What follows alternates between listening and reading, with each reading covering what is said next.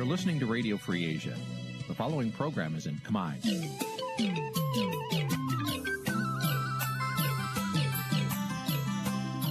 Nǐ chi càm bi tiệp xáy vệt chiu a zì sáy.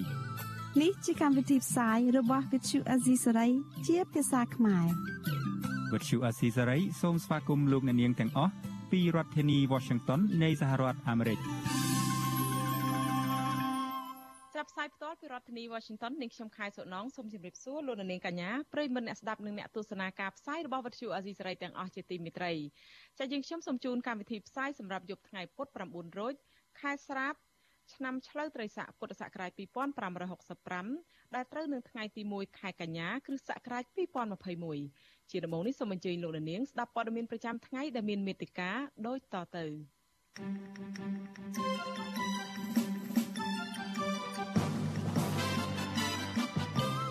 តុលាការបន្តផ្អាប់ទុកសំណុំរឿងលោកកឹមសុខាដល់ខួប4ឆ្នាំនៃការចាប់ខ្លួនលោកក្រុមហ៊ុន OCIC កាត់ផ្តាច់ផ្លូវនៅព្រលានយន្តហោះថ្មីខណៈពលរដ្ឋមិនទាន់ទទួលសំណងពលរដ្ឋនៅតាមដងទន្លេសាបត្អូញត្អែពីការខ្វះទឹកដោយសារតែផ្ទៃបឹងទន្លេសាបមិនរីកធំដូចរាល់ឆ្នាំប្រ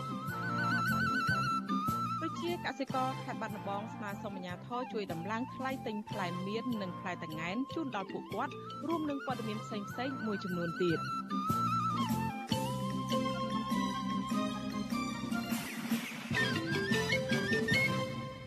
តែជាបន្តទៅនេះនាងខ្ញុំខែសុណងសូមជូនព័ត៌មានទាំងនេះពុស្ដា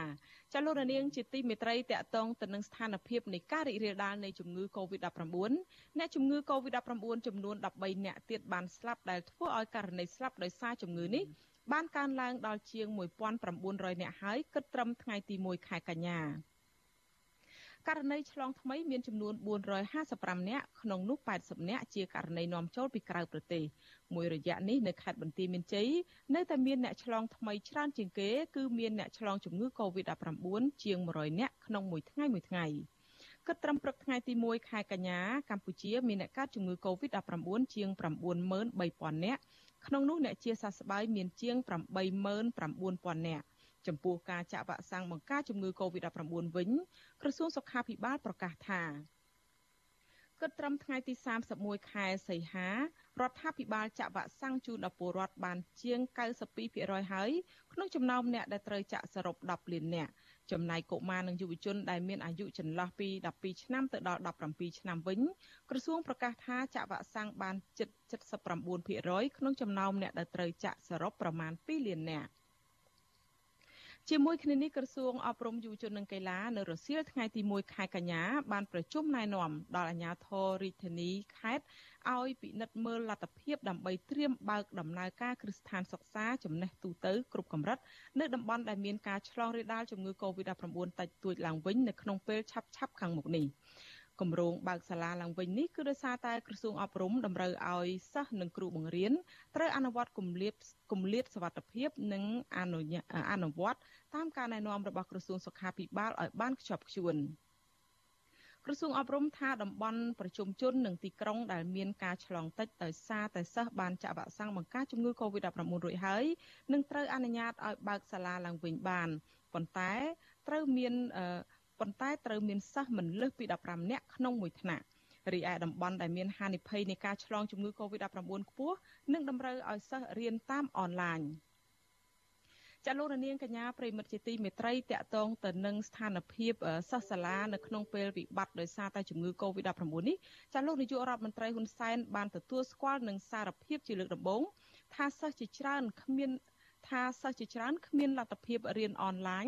តាំងពីបិទសាលារៀនជាង1ឆ្នាំមកនេះតើមូលហេតុអ្វីទើបតែពេលនេះលោកហ៊ុនសែនទទួលស្គាល់ថាសិស្សគ្មានលទ្ធភាពរៀនអនឡាញ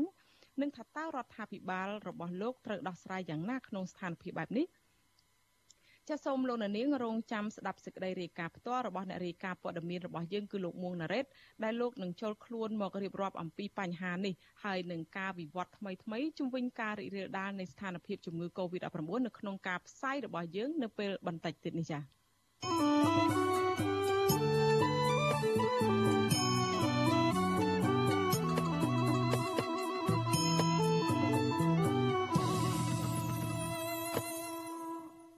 ចាលោករនាងកញ្ញាប្រិយមិត្តស្ដាប់ជាទីមេត្រីចាលោករនាងកំពុងស្ដាប់ការផ្សាយវិទ្យុអេស៊ីសេរីផ្សាយចេញពីរដ្ឋធានី Washington នៃសហរដ្ឋអាមេរិក ចាតកតងទៅនឹងសំណុំរឿងមេបកប្រឆាំងឯនេះវិញលោកកឹមសុខាប្រធានគណៈបកសង្គ្រោះជាតិបានរស់នៅក្នុងស្ថានភាពបាត់បង់សិទ្ធិសេរីភាពអស់រយៈពេល4ឆ្នាំមកហើយគិតត្រឹមដើមខែកញ្ញាឆ្នាំ2021នេះ ទោះជាយ៉ាងនេះក្តីលោកនៅតែប្រកាន់ជំហរថាការចោទប្រកាន់លើរូបលោកពីបទក្បត់ជាតិនោះគឺជារឿងអយុត្តិធម៌ប៉ុន្តែតំណាងគណៈបកកណ្ដាលអំណាចនៅតែនិយាយដដែលដដែលថាសំណុំរឿងប្រឆាំងនឹងលោកកឹមសុខាគឺជាការអនុវត្តច្បាប់ចាប់ពីរដ្ឋធានី Washington លោកយុនសាមៀនរាយការណ៍ព័ត៌មាននេះលោកនាយករដ្ឋមន្ត្រីហ៊ុនសែននិងអាជ្ញាធររបស់លោកបានដកហូតសិទ្ធិសេរីភាពជាពិសេសសិទ្ធិនយោបាយពីលោកកឹមសុខាអស់រយៈពេល4ឆ្នាំមកហើយ សហមេធាវីការពីក្តីឲ្យលោកកឹមសុខាគឺលោកផែនហេងប្រាប់វិទ្យុអាស៊ីសេរីនៅថ្ងៃទី1កញ្ញាថារយៈពេល4ឆ្នាំមកនេះកូនក្តីរបស់លោករស់នៅក្នុងស្ថានភាពធុញថប់ផ្លូវចិត្តដោយសារតែគាត់ជាអ្នកនយោបាយប៉ុន្តែត្រូវបានគេបិទសិទ្ធិធ្វើនយោបាយលោកបញ្ជាក់ថាលោកកឹមសុខាប្រកាន់ជំហរដដែលគឺគាត់មិនបានប្រព្រឹត្តកំហុសដោយការចោទប្រកាន់របស់តុលាការនោះឡើយ ជាគោលការណ៍គាត់នៅថាគាត់មិនមានស្អីពាក់ព័ន្ធទៅនឹងការចោទប្រកាន់ហ្នឹងនៅចង់ឃើញឲ្យមានការតម្លាក់ចោទមកលើរូបគាត់ហ្នឹង ហើយបើសិនជាថាវាជាដំណោះនយោបាយឬក៏អ្នកនយោបាយអាហ្នឹងគឺថាមានមានតែអ្នកនយោបាយហ្នឹងគាត់ទៅចែកគ្នាទៅអាហ្នឹងវាឆាប់ចប់ចំហរបស់គាត់គាត់ចង់ឃើញការសាស្ត្រាជាតិចង់ឃើញថាខ្មែរមិនយកខ្មែរជាសត្រូវអញ្ចឹងទៅតាមគោលការណ៍រដ្ឋធម្មនុញ្ញជាស្ដីសេរីគ្រប់បាក់ហ្នឹង អញ្ញាធររបបលោកហ៊ុនសែនបានសម្រុកចូលចាប់ខ្លួនលោកកឹមសុខាដល់ក្នុងផ្ទះរបស់លោកកាលពីរំលងអាធ្រាត្រថ្ងៃទី2ឈានចូលថ្ងៃទី3កញ្ញាឆ្នាំ2017ក្នុងពេលដែលលោកកំពុងមានអភ័យឯកសិទ្ធិសភាអញ្ញាធរបានឃុំខ្លួនលោករយៈពេលជាង2ឆ្នាំ ទាំងការឃុំខ្លួនក្នុងពន្ធនាគារត្រពាំង plong ក្បែរព្រំដែនវៀតណាមនិងការឃុំខ្លួនក្នុងផ្ទះរបស់លោក នៅខណ្ឌទួលគោករាជធានីភ្នំពេញ តុលាការក្រុងភ្នំពេញបានចោទប្រកាន់លោកពីបទសន្តិទិភាពឬការត្រូវរើគ្នាជាមួយបរទេសដើម្បីផ្ដួលរំលំរដ្ឋាភិបាលតុលាការបានចាប់ផ្ដើមបើកសវនាការសំណុំរឿងនេះនៅខែមករាឆ្នាំ2020និងបានបន្តជាហូរហែរហូតដល់ចុងខែមីនាទើបប្រកាសផ្អាកសវនាការក្រោមហេតុផលបង្ការជំងឺ Covid-19 សំណុំរឿងនេះក៏ស្ងប់ស្ងាត់តាំងពីពេលនោះមក ទោះបីជាក្រុមមេធាវីលោកកំសខាបានដាក់លិខិតជាច្រើនលើកទៅតុលាការនិងក្រសួងយុតិធធដើម្បីស្នើសុំបន្តសវនាការយ៉ាងណាក្តីលោកផែនហេងឲ្យដឹងថាក្រុមមេធាវីធ្លាប់បានទៅសួរចៅក្រមអំពីរឿងនេះដែរទាំងជំនួបផ្លូវការនិងក្រៅផ្លូវការប៉ុន្តែមិនទទួលបានចម្លើយវិជ្ជមានសម្រាប់ដំណើរការក្តីនៅពេលឆាប់ឆាប់នេះទេលោកថាហេតុនេះហើយទើបក្រុមមេធាវីមិនបានដាក់លិខិតស្នើសុំជាថ្មីទៀតទៅតុលាការ ឬក្រសួងយុតិធធយើងឃើញថាការដាក់លិខិតដាក់អីអន្តរាគមន៍ក៏ដូចជាមិនត្រូវនឹងកលៈទេសៈដោយសារតែលក្ខណៈនយោបាយនៃជាតិជាតិហើយយើងនៅតែមើលទៅឃើញថាអាចនឹងយកហេតុផលទៅរឿងកូវីដមកនិយាយដដែលដដែលអញ្ចឹងយើងក៏មិនមានចំណាត់ការអីទៅលើកិច្ចការដដែលដដែលនេះវិទ្យុអាស៊ីសេរីមិនអាចតាក់ទងប្រធានតុលាការក្រុងភ្នំពេញ លោកតាំងសុនឡាយដើម្បីសាកសួររឿងនេះបានទេដោយទូរស័ព្ទចូលតែពុំមានអ្នកទទួលប៉ុន្តែលោកធ្លាប់បានបញ្ជាក់កាលពីពេលកន្លងទៅថាសំណុំរឿងនេះមិនមែនជារឿងក្តីអធិភាពនោះទេព្រោះលោកកំសខាកំពុងស្ថិតនៅក្រៅឃុំការផ្អឹបទុកសំណុំរឿងនេះគឺស្របទៅនឹងបំណងរបស់លោកនាយករដ្ឋមន្ត្រីហ៊ុនសែនដែលថាសំណុំរឿងនេះអាចនឹងត្រូវពន្យាពេលរហូតដល់ឆ្នាំ2024ពូលគឺនៅក្រោយការបោះឆ្នោតអាណត្តិថ្មី អ្នកនាំពាក្យគណៈបកកណ្ដាលអំណាចលោកសុកអេសានមិនបានបកស្រាយរឿងសិទ្ធិសេរីភាពរបស់លោកកំសខានោះទេប៉ុន្តែលោកបញ្ជាក់ថាវត្តមានឬអវត្តមានលោកកឹមសុខាក្នុងការបោះឆ្នោតនាពេលខាងមុខនេះមិនមែនជាអ្វីដែលគណៈបកប្រជាជនកម្ពុជាត្រូវគិតនោះទេព្រោះមេបកប្រឆាំងរូបនេះកំពុងជាប់ក្តីក្តាំនៅតុលាការហើយម្យ៉ាងទៀតគណៈបកសង្គ្រោះជាតិក៏ត្រូវបានតុលាការកំពូលរំលាយចោលរួចទៅហើយដែរលោកនៅតែអះអាងថា ថ្នាក់ដឹកនាំគណៈបកកណ្ដាលអំណាចនឹងគ្មានការចរចាជាមួយមេដឹកនាំគណៈបកសង្គ្រោះជាតិនោះឡើយរាជរដ្ឋាភិបាលដែលកំពុងកាន់អំណាចជាអ្នកត្រូវច្បាប់មិនអាចចរចាជាមួយក្រមឧទាមក្រៅច្បាប់បានទេទោះបីគាត់ចេញរូបភាពណាក៏ដោយទោះបីថាមានអ្នកវិភាគនឹងចេះតែទាញទៅរកផ្លូវនយោបាយឲ្យមានការចរចាយ៉ាងណាក៏ដោយគឺបុគ្គលដែលទទួលខុសត្រូវនឹងកំពុងតែស្ថិតនៅក្នុងដៃតុលាការនៅឡើយព្រោះអត់មានអីត្រូវចរចាទេបាទ ការបោះឆ្នោតក្រុមប្រឹក្សាឃុំសង្កាត់គ្រងប្រព្រឹត្តទៅនៅឆ្នាំ2022ហើយការបោះឆ្នោតតំណាងរាស្ត្រនឹងត្រូវធ្វើឡើងនៅឆ្នាំបន្ទាប់ប៉ុន្តែវត្តមានរបស់លោកកឹមសុខាក្នុងការបោះឆ្នោតទាំងពីរនេះហាក់ស្ថិតនៅក្នុងភាពស្រពិចស្រពិលនៅឡើយព្រោះសិទ្ធិនយោបាយរបស់លោកត្រូវបានគេដកហូតពីករណីផ្សេងផ្សេងគ្នា ករណីទី1គឺលោកស្ថិតនៅក្នុងចំណោមថ្នាក់ដឹកនាំគណៈបកសង្គ្រោះជាតិចំនួន118នាក់ដែលត្រូវតុលាការកំពូលបានដកសិទ្ធិធ្វើនយោបាយរយៈពេល5ឆ្នាំនៅពេលតុលាការជាន់ខ្ពស់មួយនេះរំលាយគណៈបកសង្គ្រោះជាតិកាលពីចុងឆ្នាំ2017ទី2លោកជាប់បម្រាមនយោបាយក្រោមដោយការដាក់ឲ្យត្រួតពិនិត្យតាមផ្លូវតុលាការរបស់ចៅក្រមស៊ើបសួរសាលាដំបងរាជធានីភ្នំពេញអ្នកវិភាគនយោបាយនិងសង្គម បណ្ឌិតមាសនេះមានប្រសាសន៍ថាសំណុំរឿងរបស់លោកកំសខាជាប្រភេទសំណុំរឿងនយោបាយដូច្នេះដំណើរការលឿនឬឆាប់នោះ គឺអាស្រ័យទៅលើស្ថានភាពនយោបាយលោកយល់ថាការផ្អឹបទុកសំណុំរឿងនេះគឺជាយុទ្ធសាស្ត្រកាត់បន្ថយអធិបុលនយោបាយរបស់លោកកឹមសុខាដើម្បីធានាជ័យជំនះសម្រាប់គណៈបកកណ្ដាលអំណាចក្នុងការបោះឆ្នោតនាពេលខាងមុខនេះ។ ដរាបណាគណៈបកកណ្ដាលអំណាចមិនទាន់មានទំនុកចិត្តខ្លួនឯងនៅក្នុងការទទួលបាននៅការគ្រប់គ្រងទាំងផ្លូវចិត្តទាំងបេះដូងពីពលរដ្ឋនឹងបានច្រើនវិញទេករណីកម្មវិធីនឹងអាចពជារហូតដល់ក្រោយឆ្នាំ2023 2024ទៅទៀតហើយបើសិនជានៅតែស្ថានភាពមិនប្រសើរឡើងសម្រាប់គណៈបកកម្មាជំនុំខ្ញុំគិតថាអចលនចលនាប្រជាធិបតេយ្យនឹងបន្តបុះនៅក្រោមសម្ពាធបន្តយូរដល់ទៅទៀតបាទ ក្រមប្រទេសប្រជាធិបតេយ្យអង្គការសង្គមស៊ីវិលជាតិនិងអន្តរជាតិព្រមទាំងទីភ្នាក់ងារអង្គការសហប្រជាជាតិផ្នែកសិទ្ធិមនុស្សនៅតែទទួលស្គាល់ថាលោកកឹមសុខា ជាមនុស្សស្អាតស្អំដែលរងការចោទប្រកាន់ដោយអយុត្តិធម៌ពួកគេស្នើយ៉ាងទទូចដល់របបលោកហ៊ុនសែនឲ្យទម្លាក់ចោលបទចោទប្រកាន់និងផ្ដល់សិទ្ធិសេរីភាពពេញលេញដល់លោកកឹមសុខា ដើម្បីឲ្យលោកអាចចាប់ផ្ដើមជីវិតនយោបាយបាន ដូចដើមឡើងវិញ។ អ្នកវិភាគនយោបាយបណ្ឌិតមាសនេះមានប្រសាសន៍ថាសំណុំរឿងលោកកឹមសុខា និងមន្ត្រីគណៈបកប្រឆាំងផ្សេងទៀតបូករួមទាំងការរំលាយគណៈបកសង្គ្រោះជាតិផងនោះបាននាំមកនៅផលវិបាកជាច្រើនរួចទៅហើយសម្រាប់កម្ពុជា មានជាអាចវិបត្តិនយោបាយរ៉ាំរ៉ៃនិងភាពល្អក់កកនៃទំនាក់ទំនងជាមួយក្រមប្រទេសប្រជាធិបតេយ្យលោកបណ្ឌិតមាននេះមើលឃើញថាបើនៅតែគ្មានដំណោះស្រាយនយោបាយនិងការឯកភាពជាតិនោះទេ កម្ពុជានឹងខាតបង់ប្រយោជន៍កាន់តែច្រើន ជាពិសេសកម្ពុជានឹងផុងខ្លួនកាន់តែជ្រៅក្នុងលបែងភូមិសាស្ត្រនយោបាយរបស់ប្រទេសមហាអំណាចខ្ញុំយុនសាមៀនវិទ្យុអាស៊ីសេរីប្រធានាធិបតី Washington ចាលោកនាងកញ្ញាប្រិយមិត្តអ្នកស្ដាប់និងអ្នកទស្សនាការផ្សាយរបស់វិទ្យុអេស៊ីសេរីទាំងអស់ជាទីមេត្រីចាតកតងទៅនឹងការធ្វើទុកបុកម្នេញលើសកម្មជនមន្ត្រីជាសកម្មជនគណៈបកប្រឆាំងនេះដែរ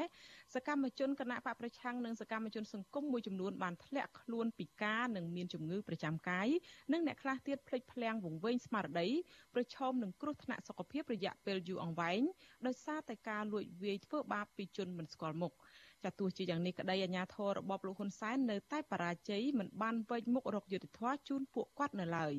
ចាអ្នកស្រីសុជីវីនឹងមានសម្ភាសមួយជាមួយនឹងអ្នកដែលធ្លាប់រងរបួសនឹងជាមួយនឹងមន្ត្រីគណៈបកប្រឆាំងអំពីរឿងនេះនៅពេលបន្តិចទៀតចាឥឡូវនេះនាងខ្ញុំបានឃើញអ្នកស្រីសុជីវីហើយសូមជំរាបសួរចាចាជំរាបសួរសនងជំរាបសួរលោកអ្នកនាងកំពុងតាមដានការផ្សាយរបស់វិទ្យុអាស៊ីសេរីផងចា ចាអ្នកស្រីសុជីវីនៅក្នុងបទសម្ភាសរបស់អ្នកស្រីបន្តិចទៀតនេះជំវិញបញ្ហានេះតើអ្នកស្រីនឹងលើកយកចំណុចអ្វីខ្លះមកជជែកពិភាក្សានោះចាចាអរគុណច្រើនសំណងខ្ញុំមាន3ចំណុចយកមកពិភាក្សានៅថ្ងៃនេះចាទី1នេះគឺតកតងនឹងស្ថានភាពរបស់អ្នកដែលធ្លាប់មានរបួសដោយដែលសំណងបានលើកឡើងអញ្ចឹងគឺគាត់មានអ្នកខ្លះហ្នឹងគឺមានជំងឺរ៉ាំរ៉ៃជាប់ខ្លួនជានិច្ចមានពិការភាពផងអ្នកខ្លះទៅជាវង្វេងស្មារតីបាត់បង់ ស្មារតីបាត់បង់បញ្ញាស្មារតីការគិតគូររបស់ពួកគាត់ហ្នឹងដោយសារតែការលួចវាយហ្នឹងភាកច្រើនហ្នឹងគឺលួចវាយទៅចំក្បាលរបស់ពួកគាត់ធ្វើគាត់របួសក្បាលហ្នឹងធ្ងន់ធ្ងររហូតមកដល់ពេលនេះចាំមួយចំណុចទៀតហ្នឹងគឺយើងនឹងពិភាក្សាថាតើហេតុអ្វីបានជាអាជ្ញាធររបបក្រុងភ្នំពេញហ្នឹងនៅតែមិនអាចរកយុត្តិធម៌ជូនពួកគាត់បានដោយទុកឲ្យអ្នកដែលប្រព្រឹត្តល្មើសហ្នឹងបន្តស្ថិតនៅក្រៅច្បាប់កិច្ចផុតពីការទទួលខុសត្រូវចាស់ហើយមួយទៀតហ្នឹងក៏យើងពិនិត្យមើលដែរថាតើគណៈ បបកប្រឆាំងខ្លួនឯងនឹងបានជួយឬក៏ទំនុកបំរុងឬក៏លើកយកបញ្ហានេះទៅឲ្យមានការដោះស្រាយឬក៏មានការយកចិត្តទុកដាក់យ៉ាងណាខ្លះទៅដល់អ្នកដែលរងគ្រោះដែលកំពុងតែភ័យខ្លាចនិងបន្តស្ថិតនៅក្នុងស្ថានភាពជំងឺរ៉ាំរ៉ៃនឹងចា៎ ចាចាអរគុណច្រើនអ្នកស្រីអ្នកស្រីសុជីវីហើយជុំវិញបញ្ហានេះយើងនឹងរងចាំទស្សនាកិច្ចសម្ភាររបស់អ្នកស្រីជាមួយមន្ត្រីគណៈបព្វឆាំងនិងអ្នកដែលធ្លាប់រងរបួសដោយការវាយធ្វើបាបនេះហើយនឹងជួបអ្នកស្រីសុជីវីនៅពេលបន្តិចទៀតចាសូមអរគុណចាសូមអរគុណ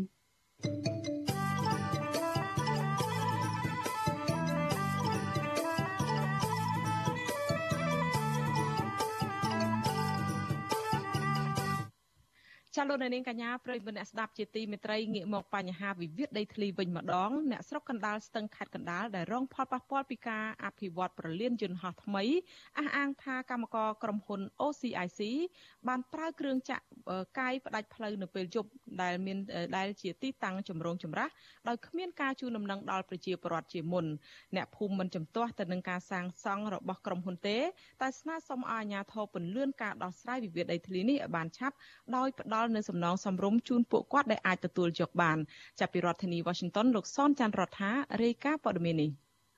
ចំនួនដីធ្លីរវាងពលរដ្ឋ3ឃុំក្នុងខេត្តកដាលនិងមួយឃុំក្នុងខេត្តតាកែវជាមួយក្រុមហ៊ុន OCIC របស់អង្គញាពងខៀវសែអាញាធមមិនតាន់ដោះស្រាយបញ្ចប់នៅឡើយទេគណៈខាងក្រុមហ៊ុនបន្តឈូសឆាយដីស្រែនិងផ្លូវដែលធ្វើឲ្យភូមិតវ៉ាជាញឹកញាប់នៅទីតាំងដីមានទំនាស់តំណាងបរដ្ឋលោកទុនវណ្ណៈបានប្រាប់វិទ្យុអេស៊ីសេរី នៅថ្ងៃទី1ខែកញ្ញាថាខាងក្រុមហ៊ុន បានលួចកាយផ្ដាច់ផ្លូវលោកមួយខ្សែដើម្បីកំណត់យកទីតាំងនោះធ្វើជាផ្លូវយន្តហោះកាលពីយប់ថ្ងៃទី31ខែសីហាលោកបន្តថាការផ្ដាច់ផ្លូវនេះគឺបង្កផលលំបាកជាច្រើនដល់ប្រជាពលរដ្ឋនៅក្នុងការធ្វើដំណើរទៅមកពិបាកដឹកស្រូវទៅលក់ហើយមិនអាចទៅមើលដីស្រែបានដូចសពដងលោកបញ្ជាក់ថាប្រជាពលរដ្ឋទាំងអស់ដែលបន្តការតវ៉ានេះគឺមិនជំទាស់នឹងគម្រោងអភិវឌ្ឍរបស់ក្រុមហ៊ុននិងរដ្ឋាភិបាលឡើយ តែស្នើសុំអាជ្ញាធរនិងក្រុមហ៊ុនដោះស្រាយបញ្ចប់បញ្ហាដីធ្លីនេះជូនប្រជាពលរដ្ឋជាមុនសិនដោយផ្ដោតសំណងដែលអាចទទួលយកបាន។មិនចំពោះតែខ្ញុំមួយសំបីតែប្រជាពលរដ្ឋក៏គាត់មិនឯកភាពនឹងការកាយហ្នឹងដែរដោយសារផ្លូវផ្លូវប្រជាពលរដ្ឋធ្វើចរាចរណ៍ហើយមិនទាន់ការដោះស្រាយដីធ្លីរបស់គាត់អញ្ចឹងមានន័យថាខុសច្បាប់ហើយសំណុំពរដល់សម្ដេចពុកសម្ដេចខ្មែរមេតាអាណិតកូនចៅផងសូមជួយដោះស្រាយដីធ្លីកូនចៅឲ្យបានសមរម្យមកកូនចៅមិនដែលអុយ ប្រឆាំងនឹងការអភិវឌ្ឍនោះទេតែស្របនឹងការអភិវឌ្ឍសូមឲ្យសម្ដេចពុកសម្ដេចម៉ែហ្នឹងជួយមេត្តាជួយកូនចៅធ្វើយ៉ាងណាកុំឲ្យកូនចៅមានទុក្ខលំបាកឲ្យសមស្របការអភិវឌ្ឍជាតិដើម្បីជាតិដើម្បីប្រជាពលរដ្ឋទៅវិទ្យុអស៊ីសេរីមិនតន់ឲ្យសុំការឆ្លើយតបរឿងនេះពីតំណាងក្រុមហ៊ុន OCC នៅប្រលានយន្តហោះថ្មីលោកជូកុកខ្សែបានទេដោយលោកប្រាប់ថាលោកជាប់រវល់ជុំវិញរឿងនេះអភិបាលខេត្តកណ្ដាលលោកគង់សុផុន ឲ្យដឹងថាការកាយកំណត់ផ្លូវនេះគឺដើម្បីរំដោះទឹកចេញដោយសារតែមានទឹកជន់លិចខ្លាំងនៅខាងការដ្ឋានសាងសង់របស់ក្រុមហ៊ុនលោកថាលោកបានចាត់ក្រុមការងារទៅពិនិត្យមើលរឿងនេះហើយចំណែកការដោះស្រាយជូនពលរដ្ឋវិញអភិបាលរំនេះបញ្ជាក់ថាគោលនយោបាយដោះស្រាយគឺមិនទាន់មានការផ្លាស់ប្ដូរទេចំពោះប្រជាពលរដ្ឋណាដែលស្ម័គ្រចិត្តទទួលយកសំណង ជំរឿនគឺមានតែប៉ុណ្ណឹងអញ្ចឹងទេមានតែការទទួលយកដើម្បីរួមចំណែកក្នុងការលើកស្ទួយការអភិវឌ្ឍរបស់គ្នាដូចជាអញ្ចឹងណាតែបើទឹកបងប្អូនគាត់ទទួលយកទៅពីពេលវេលាគាត់សម្រាប់គិតគូរពិសេសបងប្អូនថាគាត់ទទួលយកទៅគាត់ទៅដីបានទៅគាត់ស្ងៀមទៅហ្នឹងដូចយើងតិចម្ដងតិចគាត់បើវានៅលើតម្រូវការរបស់គាត់ហើយនឹងគាត់មើលឃើញថាហ្នឹងវាការសម្រេចចិត្តគាត់ចូលរួមចូលរួមគាត់ចូលរួមទៅអត់គាត់អត់ចូលរួមគាត់នៅរងចាំតើតើនៅរឿងនេះ អ្នកសម្របសម្រួលគម្រោងធុរកិច្ចនិងសិទ្ធិមនុស្សនៃមជ្ឈមណ្ឌលសិទ្ធិមនុស្សកម្ពុជាលោកវ៉ាន់សុផាតមានប្រសាសន៍ថាការប្រកាន់យកគោលនយោបាយដោះស្រាយដីធ្លីជូនពលរដ្ឋតែមួយជំរឿបែបនេះគឺមិនអាចបញ្ចប់បញ្ហាដីធ្លីបានទេដោយសារតម្លៃដីធ្លីបច្ចុប្បន្នខុសពីតម្លៃដីដែលអាជ្ញាធរឲ្យប្រជាពលរដ្ឋជាង10ដងលោកជឿជាក់ថាប្រសិនបើអាជ្ញាធរអាចផ្ដល់សំណងឲ្យល្អប្រសើរជាងនេះជូនដល់ប្រជាពលរដ្ឋដោយសន្តិវិធីដំណាភៀបឲ្យស្របច្បាប់នោះបញ្ហានេះនឹងត្រូវបញ្ចប់ តាំងពីរដ្ឋធម្មនុញ្ញច្បាប់ពុំបានច្បាប់អាសាមីកច្បាប់ពាក់ព័ន្ធទៀតគឺថាត្រូវមានដំណោះស្រាយសមរម្យដោយយុត្តិធម៌ទោះថាតើដំណោះស្រាយនឹងវាមានយុត្តិធម៌អត់ក្នុងគណៈពេលដែលគាត់ទទួលបានតែ8ដុល្លារក្នុង1ម៉ែត្រការ៉េហើយតំបន់នៅជុំវិញនឹងឡើងដល់50 60 70 80ខ្លះដល់ជាង100ដុល្លារទោះថាហ្នឹងវាយុត្តិធម៌វាសមរម្យគាត់អាចទទួលយកបានដែរអត់ហ្នឹងយើងគិតទាំងអស់មើលគ្នាមើលណាបាទហើយបើសិនជាមិនមានដំណោះស្រាយចឹងទេនៅថ្ងៃមុខវានៅតែប្រឈមក្នុងការដែលប៉ះកម្ទេចគ្នាជាអំពើហិង្សារវាងប្រជាពលរដ្ឋនិងអាជ្ញាធរហ្នឹងហើយចំនួនដីធ្លីរវាងក្រុមហ៊ុន OCSC របស់អាញាពងឃីវសែជាមួយនឹងប្រជាប្រដ្ឋសរុបជាង300គ្រួសារនៅស្រុកកណ្ដាលស្ទឹងខេត្តកណ្ដាលបានអូសបន្លាយជាង3ឆ្នាំមកហើយដោយប្រជាប្រដ្ឋមកព្រមទទួលយកសំណងដែលអាញាធិបផ្ដល់ឲ្យចន្លោះពី3ដុល្លារទៅ8ដុល្លារក្នុងដី1ម៉ែត្រការ៉េក្រុមហ៊ុនសាជីវកម្មវិនិយោគក្រៅប្រទេសកម្ពុជាហៅកាត់ថា OCSC របស់អង្គញាពងខៀវសែ ដែលជាអ្នកជំនួញស្និទ្ធនឹងនាយករដ្ឋមន្ត្រីហ៊ុនសែនបានទទួលសិទ្ធិសាងសង់ប្រលានយន្តហោះខ្នាតអន្តរជាតិមួយនៅទីនោះតាមគម្រោងក្រុមហ៊ុននឹងសាងសង់រួចរាល់នៅឆ្នាំ2023ប្រលានយន្តហោះថ្មីនេះវិនិយោគក្នុងទឹកប្រាក់ប្រមាណជាង1000លានដុល្លារលើផ្ទៃដីជិត3000ហិកតាប្រជាប្រដ្ឋដែលរងផលប៉ះពាល់ពីគម្រោងនេះស្នើសុំលោកនាយករដ្ឋមន្ត្រីហ៊ុនសែនដោះស្រាយបញ្ចប់ចំនួនដីធ្លីនេះប្រជាប្រដ្ឋបញ្ជាក់ថាពួកគាត់នឹងបន្តការតវ៉ា រហូតដល់មានដំណោះស្រាយសមរម្យដែលអាចទទួលយកបានខ្ញុំសនចាររថាវិទ្យុអេស៊ីសរ៉ៃរាយការណ៍ពីរដ្ឋធានីវ៉ាស៊ីនតោន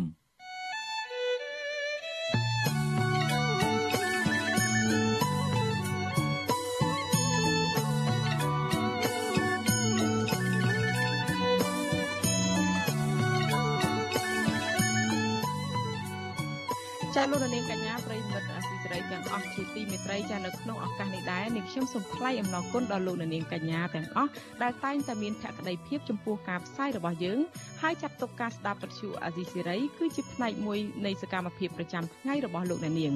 ចាការគ្រប់គ្រងរបស់លោកនាងនេះហើយដែលធ្វើឲ្យយើងខ្ញុំកាន់តែមានភាពក្លាហាននិងកាន់តែមានទឹកចិត្តមោះមុត កាន់តែខ្លាំងថែមទៀតនៅក្នុងការស្វែងរកនិងផ្តល់ព័ត៌មានជូនលោកនាងចាំមានអ្នកស្ដាប់និងអ្នកទស្សនាកាន់តែច្រើនកាន់តែធ្វើឲ្យយើងខ្ញុំមានភាពស្វាហាប់មោះមុតជាបន្តទៀតចាយើងខ្ញុំសូមអរគុណលោកនាងទុកជាមុនហើយសូមអញ្ជើញលោកនាងកញ្ញាចូលរួមជំរុញឲ្យសកម្មភាពផ្តល់ព័ត៌មានរបស់យើងកាន់តែជោគជ័យបន្ថែមទៀតចាដោយលោកនាងអាចជួយយើងខ្ញុំបាន ចាដោយគ្រាន់តែចុចចែករំលែកឬក៏ share ការផ្សាយរបស់យើងនៅតាមបណ្ដាញសង្គម Facebook និង YouTube ទៅកាន់មិត្តភ័ក្តិរបស់លោកនាងដើម្បីឲ្យការផ្សាយរបស់យើង បានទៅដល់មនុស្សកាន់តែច្រើន ចាសសូមអរគុណ ចាលោកនាងកញ្ញាប្រិមនៈស្ដាប់ជាទីមេត្រីរឿងដាច់ដោយឡែកមួយទៀតកម្មវិធីតាមដានទំនប់វារីអគិសនីលើមេគង្គបង្ហាញថាផ្ទៃបឹងទន្លេសាបនៅរយៈពេលចុងក្រោយនេះផ្ទៃទឹកមិនបានរីកធំដោយរាល់ឆ្នាំនោះទេទោះបីជាពេលនេះរដូវទឹកឡើងហើយក្តីជុំវិញបញ្ហានេះពលរដ្ឋរស់នៅតាមដងទន្លេសាបត្អូញត្អែថា កង្វះទឹកធ្វើឲ្យប៉ះពាល់ដល់ការរស់នៅប្រចាំថ្ងៃរបស់ពួកគាត់និងធ្វើឲ្យពិបាកនេសាទត្រីរកប្រាក់ចំណូលដោះស្រាយជីវភាពក្នុងគ្រួសារចាប់ពីរដ្ឋធានី Washington លោកសេកបណ្ឌិតមានសេចក្តីរាយការណ៍អំពីរឿងនេះការរួមតូចនៃបឹងទន្លេសាប កំពុងគម្រាមកំហែងដល់ពលរដ្ឋរស់នៅអាស្រ័យផល នៅលើបឹងទន្លេសាបជីវៈចម្រុះនិងធនធានជលផលកម្មវិធីតាមដានទំនប់វារីអគ្គិសនីលើទន្លេមេគង្គឲ្យដឹងតាមបណ្ដាញសង្គម Twitter ថាគិតចាប់តាំងពីថ្ងៃទី23ដល់ថ្ងៃទី29ខែសីហាកន្លងទៅ ដែលជារដូវទឹកឡើងប៉ុន្តែផ្ទៃបឹងទន្លេសាបមិនបានរីកធំនោះទេ ប្រភពដដែលឲ្យដឹងទៀតថាកម្ពស់ទឹកទន្លេសាបនៅស្ថានីយ៍ព្រែកក្តាម មានកម្ពស់80សង់ទីម៉ែត្រគឺទាបជាងកាលពីឆ្នាំ2020ជិត4ម៉ែត្រតើតើនឹងការរកឃើញនេះវិទ្យុអសីស្រីបានព្យាយាមសុំការអធិប្បាយពីរដ្ឋមន្ត្រីក្រសួងធនធានទឹកនិងជាប្រធានអាជ្ញាធរទន្លេសាប លោកលឹមគៀនហោនិងអ្នកនាំពាក្យក្រសួងធនធានទឹកលោកច័ន្ទយុធានៅថ្ងៃទី1ខែកញ្ញាតែទូរស័ព្ទចូលជាច្រើនដងគ្មានអ្នកទទួល។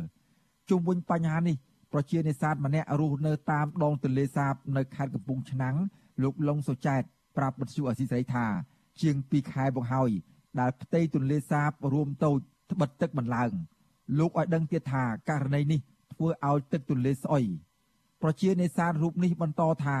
ពេលនេះពលរដ្ឋជួបបញ្ហាពិបាករកត្រី ហើយពលរដ្ឋមួយចំនួនគ្មានទឹកស្អាតប្រើប្រាស់និងមានពលរដ្ឋក្រីក្រខ្លះ បង្ខំចិត្តប្រើប្រាស់ទឹកទន្លេដែលមានក្លិនស្អុយនោះទឹកទន្លេតែចឹងហើយតែតែតែពេលមានទឹកថ្មីមកវាតែមករហូតអត់អីទេប៉ុន្តែបើមករបៀបដូចបន្តិចចឹងទៅឈប់មកបន្តិចទៅឈប់មកវាដូចជាលបាយអីវាទៅវាទៅស្អុយទឹកឡើយហើយដល់ស្អុយទឹកអាកណ្ដាលទន្លេគ្រាន់បើអាចុងទឹកទឹករាក់រាក់រាក់ហ្នឹងគឺទឹកស្អុយវល់ឡើយហើយចឹងត្រីនៅអត់បានទេ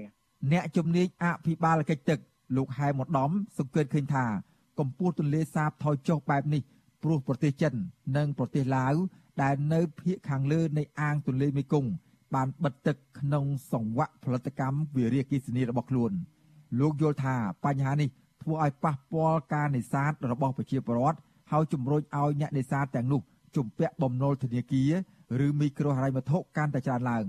និងនាំឲ្យកើតមានបទល្មើសនេសាទ លោកហែមម្ដំជំរុញឲ្យគណៈកម្មការទន្លេមេគង្គហៅកាត់ថា MRC លើកយកបញ្ហានេះទៅជជែកគ្នាជាមួយនឹងប្រទេសចិននិងប្រទេសឡាវពីហៅថាជាពីមុនគាត់ប្រើអាអាមងឬក៏សំណាញ់រុនធំធំប៉ុន្តែដល់ពេលរកអាត្រីធំលែងបានអញ្ចឹងគាត់ត្រូវបន្ថយមកប្រើអាសំណាញ់រុនតូចដើម្បីអាចចាប់ត្រីតូចបានអញ្ចឹងមានថាត្រីវាធំអត់ទាន់ទេអញ្ចឹងអញ្ចឹងយើងឃើញថាប៉ះពាល់ទៅដល់អេកូឡូស៊ីធម្មជាតិ បោះត្រីបោះទន្លេនឹងផងដែរទន្លេសាបដែលលាតសន្ធឹងជាប់ខេត្តចំនួន5គឺខេត្តកំពង់ឆ្នាំងកំពង់ធំ បាត់ដំបងពោធិ៍សាត់និងខេត្តសៀមរាបទទួលបានប្រភពទឹកពីទន្លេមេគង្គទន្លេមេគង្គមានប្រភពទឹកពីខ្ពង់រាបទីបេហូរកាត់ប្រទេសចំនួន6គឺប្រទេសចិនភូមាថៃឡាវកម្ពុជានិងវៀតណាមមុននឹងហូរធ្លាក់ទៅកាន់សមុទ្រចិនខាងត្បូងតកតូននឹងការលើកឡើងបែបនេះ វិទ្យុអសីសេរីនៅមិនទាន់អាចសុំការបំភ្លឺពីមន្ត្រីទំនាក់ទំនងផ្នែកព័ត៌មាននៃគណៈកម្មការទូលេមេគង្គលោកមាសសុភ័ក្រនៅថ្ងៃទី1ខែកញ្ញានេះបានទេទោះយ៉ាងណាគណៈកម្មការទូលេមេគង្គហៅកាត់ថា MRC លើកទឹកចិត្តឲ្យប្រទេសជាសមាជិកនៃដៃគូសន្តិនិចែករំលែកទិន្នន័យប្រតិបត្តិការនិងស្វែងយល់ឲ្យស៊ីជម្រៅនៃការប្រែប្រួលថ្មីនៃលំហូរទន្លេមេគង្គ និងដោះស្រាយផលប៉ះពាល់ដែលអាចកើតមានលើសហគមន៍តាមអាងទន្លេនេះខ្ញុំបាទសេកបណ្ឌិតវិទ្យុអសីសេរីពីរដ្ឋធានីវ៉ាស៊ីនតោន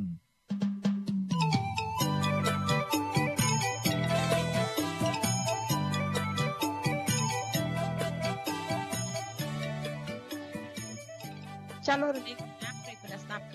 ជាទីមេត្រីចាលោករនាងអាចស្ដាប់ការផ្សាយវិទ្យុអាស៊ីសេរីដំណើរគ្នាទៅនឹងការផ្សាយរបស់យើងនៅលើបណ្ដាញសង្គម Facebook និង YouTube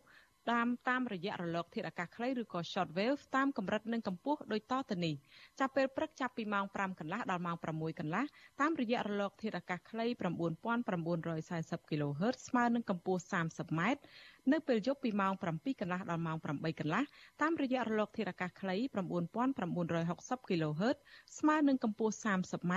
និង11240 kHz ស្មើនឹងកម្ពស់ 25m ចាសសូមអរគុណ thank you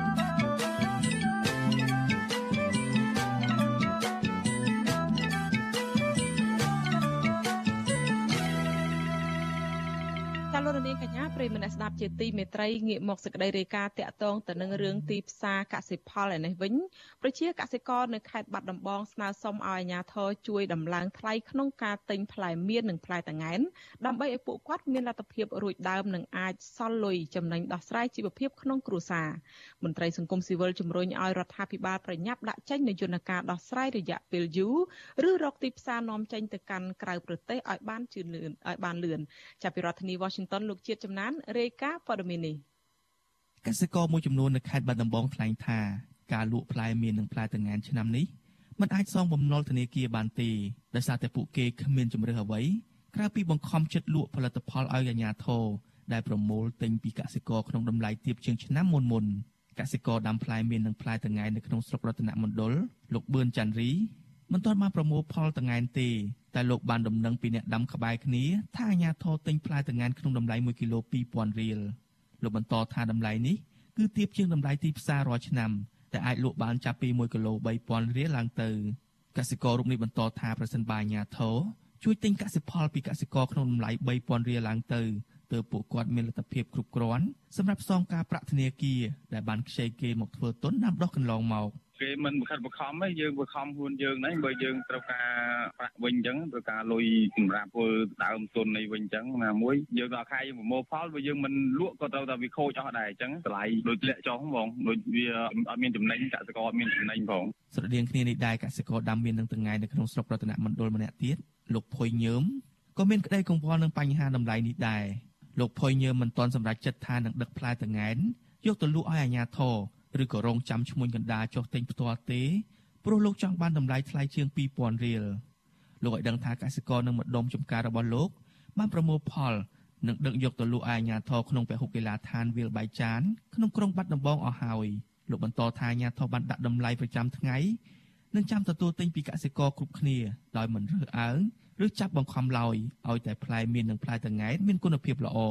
បើថាឲ្យយករួចខ្លួនវិញខ្ញុំទៅណាចូល5000ហ្នឹងមានបើថាតង្ងានបាន2000បានបង2000 2500អីចូលយកបានខ្ញុំនៅតែដាំតែ3ថោកខ្ញុំនៅតែដាំតែបងមិនដឹងថាម៉េចបើយើងជាកសិករទៅហើយនៅតែដាំហ្នឹងថាម៉េចលោកនាយករដ្ឋមន្ត្រីហ៊ុនសែនបានបញ្ជាឲ្យក្រុមអង្គរៈនិងអាជ្ញាធរ ប្រមូលទិញផ្លែមៀននិងផ្លែតង្កែនពីកសិករនៅខេត្តបាត់ដំបងនិងខេត្តបៃលិនយកទៅចែកជូនមន្ត្រីរាជការនិងពលរដ្ឋកំពុងធ្វើចតាល័យស័កដោយឥតគិតថ្លៃចាប់តាំងពីពេលក្រុមឈ្មួញនិងកសិករបាននាំគ្នាបញ្ឈរឡានតវ៉ាក្បែរព្រំដែនខ្មែរថៃកាលពីដើមខែសីហាមកលោកហ៊ុនសែនអះអាងថានេះជាវិធីដោះទាល់ក្នុងស្ថានភាពកសិករកំពុងខាតបង់ធ្ងន់ធ្ងរ